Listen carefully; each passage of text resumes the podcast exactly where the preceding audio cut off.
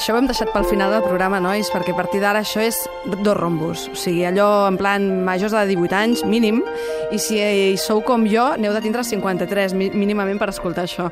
Perquè, vaja, ànimes infantils lluny, lluny del que explicarem ara. Volem parlar de David Cronenberg, de la seva primera i última novel·la que es diu Consumits, que acaba de treure l'editorial Anagrama, i tenim el Rubén Lardín, que és un superfan fatal de, de David Cronenberg, aquí. Bona nit. Què tal? Bona nit. I que ens explicarà una mica la història d'aquest aquest senyor i per què hauríem de llegir fervorosament aquesta novel·la? Bueno, la història d'aquest senyor suposo que tothom la sap, eh? El David Cronenberg és un tio ja famós a tot el món, és un dels grans directors de, del cinema d'avui dia, no? Eh, és un senyor canadenc, eh, no és americà, això s'ha d'apuntar sempre perquè, perquè eh, els americans es pensen que un canadenc és el mateix que un, que un americà, però els canadencs eh, tenen una identitat molt, molt, molt diferent, no? I molt vinculada amb la cultura europea, i en aquest sentit el Cronenberg... Són més rarets, són més rarets pel que s'entén a Amèrica. i probablement... Pensem el... en Atom Egoyan, per exemple, per que exemple, és la mateixa... Per exemple, però l'Atom Egoyan és, és, és, una, és una re, al costat del Cronenberg. Una floreta, del, és, una floreta del camí. Cronenberg és el raro dels canadencs, o sigui, sigui, imagina't, no? És un tio molt interessant, és un tio que, que, que té, totes les referències que té són uh, literàries més que, més que cinematogràfiques. Uh, ell quan va començar a veure cine a les sales de, de, de doble programa no entenia que els adults es, uh, veiessin aquelles pel·lis tan, tan bobes de, de, de romans o de i després va descobrir el, el cinema europeu amb l'Antonioni, el Fellini, que sempre cita, i aquí és on va veure que en cine es podien fer coses més serioses, no? I ja va fer pel·lis, doncs, eh, va començar amb el terror, perquè el terror és el més fàcil de vendre als mercats internacionals, i, i va tirar per aquí amb Videodrome, La zona muerta, La mosca, eh, Inseparables... Eh... Sí, que no, no vam anar mai més al ginecòleg, i us ho dic. Des de llavors ja vam dir, mmm, aquest tema me'l passo. I llavors ha fet pel·lícules així més recents, Les com últimes, Cosmòpolis... Cosmòpolis, Metropolis, va fer aquelles de, de Promeses de l'Este, una història de violència, uh -huh. Maps to the Stars, és l'última. Ha fet moltes versions, no?, també d'escriptors, de, o sigui, abans has parlat ha fet, de, ha fet de moltes Crash. adaptacions, sí, ha fet, ha fet moltes. Per això que et deia, està, és un tio que, que les seves referències sempre són més eh, literàries que cinematogràfiques, uh -huh. no? Uh, està molt vinculat al, al... Bueno, és un tio flipat pel món del William Burroughs, no?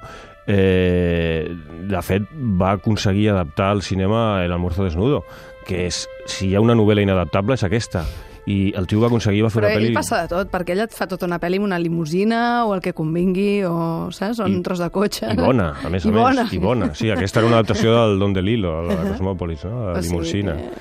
Sí, que passa de tot. I, I tu diries que... O sigui, com, com el definiries a ell, per exemple, per algú que no l'hagi vist mai o que encara no el conegui o que no s'atreveixi?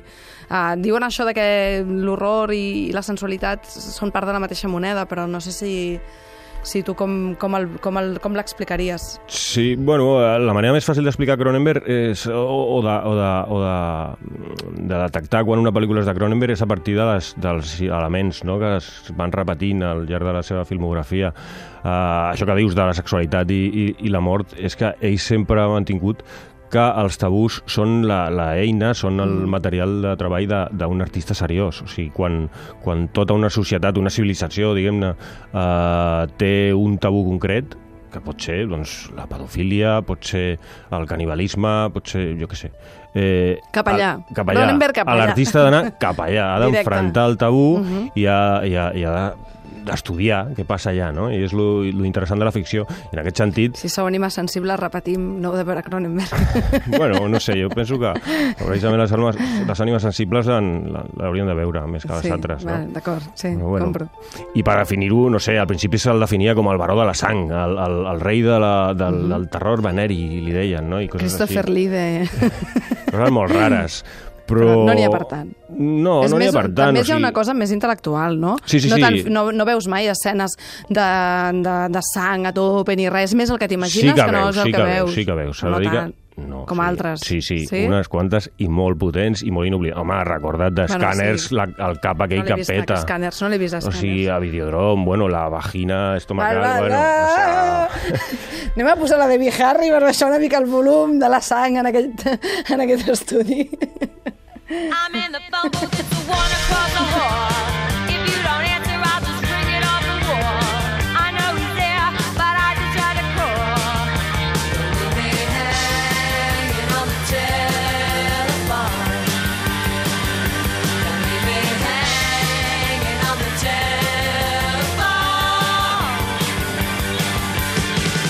Per què em poses aquesta bonica cançó de Blondie? Perquè, bueno, buscant vincles, eh, Blondie estava a Videodrome, uh -huh. a una de les pel·lis més potents de, del Cronenberg, no? que era pràcticament un assaig encobert no? sobre, sobre la realitat que, que, que, és, que substituïen a la realitat real, no? el rotllo de la televisió. Era un assaig que venia una mica de McLuhan i, i d'aquella onda de, de, sobre els mitjans de comunicació i l'actualitat com suplantant a la realitat, no? que és i, i la Blondie estava allà fent coses molt rares que ara no, no t'explicaré, has de veure la pel·li, no? D'acord, d'acord, d'acord. Uh, això dels mitjans de comunicació també és una cosa que el persegueix, els mitjans de, de com ens comuniquem i, i les noves tecnologies i tot això és algo que també l'obsessiona, sí, no? el tio, en els el tio últims és, anys. sempre és un fanàtic de la tecnologia, és un flipat de la tecnologia, li encanta, el tio...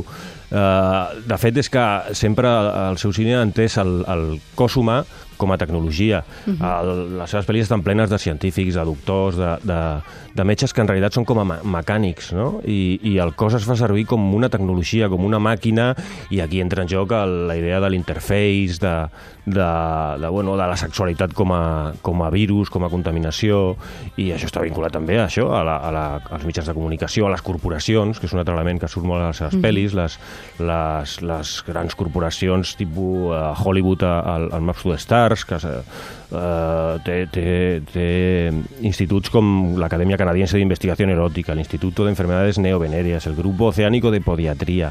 Tot el seu cine està ple de clíniques que representen aquesta anul·lació del, de l'individu. I quan no? no hi ha clíniques hi ha insectes, que Insectes, això també és l'altra festa i- major, no? Meta, Bueno. O sigui, metamorfosi de Kafka per un tubo. És que hi ha o sigui, tot, és que hi ha tenim, tot. Et convertim en una mosca...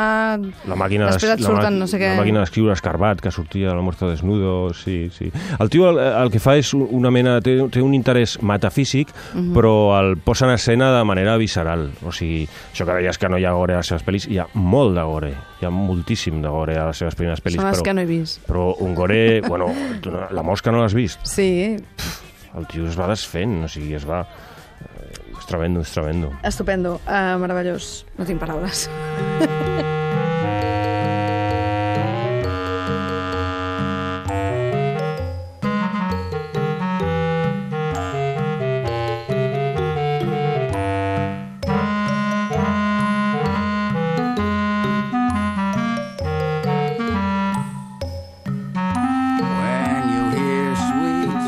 Tenim aquí l'amic Tom Waits amb William Burroughs, que justament parlàvem abans que el, aquest l'esmorzano de, de Burroughs l'havia portat al cine l'amic Cronenberg i Sí, és que els interessos del Barroc són els mateixos que el del, del Cronenberg, no? Són eh, una mica ànimes bessones, no? El fet d'això, de la, tornem un altre cop, no? La paraula com a, com a virus, el tema de, de la, del cos com a tecnologia, la màquina blanda, li va dir el, el, el Barrocs, no? El, el, el ser humà. I, i, i sí, eh, aquest és, és un dels referents al, al William Burroughs com, com, com després ha sigut el, el Ballard o, o això, el de Lilo, ha, adaptat també al Stephen King, a La zona muerta, eh, va intentar adaptar al Philip K. Dick amb, amb un relat que no se'n va sortir perquè era un relat que no tenia final, després el va fer el Paul Verhoeven, que era Desafío Total, i... i Lado Oscuro. Oscuro, Tots els amics sí. del Lado Oscuro, no? Sí, Una mica buenos. Ballard, el King, tota aquesta gent. La gente de interés. Ja, ja, ja, ho veig, ho veig. Sí, però bueno, el tio, el tio en realitat sempre havia volgut ser escriptor, sempre. O sigui, de fet, el seu pare era periodista i tenia una llibreria, era bibliòfil i tal, i, i el tio volia ser escriptor, era la primera vocació, però deia que se sentia posseït quan escrivia per la veu de, precisament del Barrocs i del Nabokov, també. O sigui, I que no podia, i que no podia competir contra aquestes dues bèsties. Exacte, no li sortia la, la seva veu. I després va començar a escriure guions i aquí va dir, hòstia, és una liberació, li va sortir molt bé, és un gran escriptor de guions també, però bueno, mira, després de 50 anys ha escrit la seva... Escriure la primera novel·la. La primera Està novel·la. mal, ens dona esperança, oi? Estem contentíssims.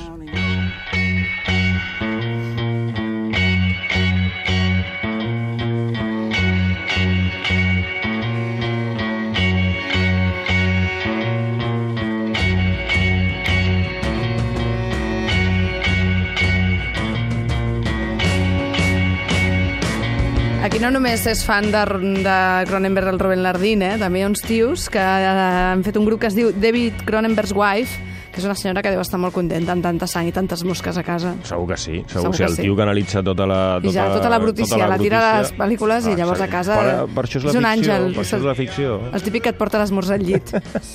Despullat. uh, parlem de consumits, aquesta novel·la de David Consumits, Cronenberg. consumits, sí, és, és, és, és, a mi m'ha encantat la, la novel·la. Jo vaig venut, però, però m'ha encantat perquè... Explica'ns una mica de què va, perquè la gent es faci la idea de la magnitud de la tragèdia, perquè és que jo si llegeixo de què va, ho flipeu. Mira. o sigui, el que posa darrere de... El tema són dos periodistes, una parella de fot fotoperiodistes uh Mhm. -huh. que, que, estan, que mantenen una relació però, però sotmesa una mica a la distància i a la tecnologia, estan separats, Mhm. no?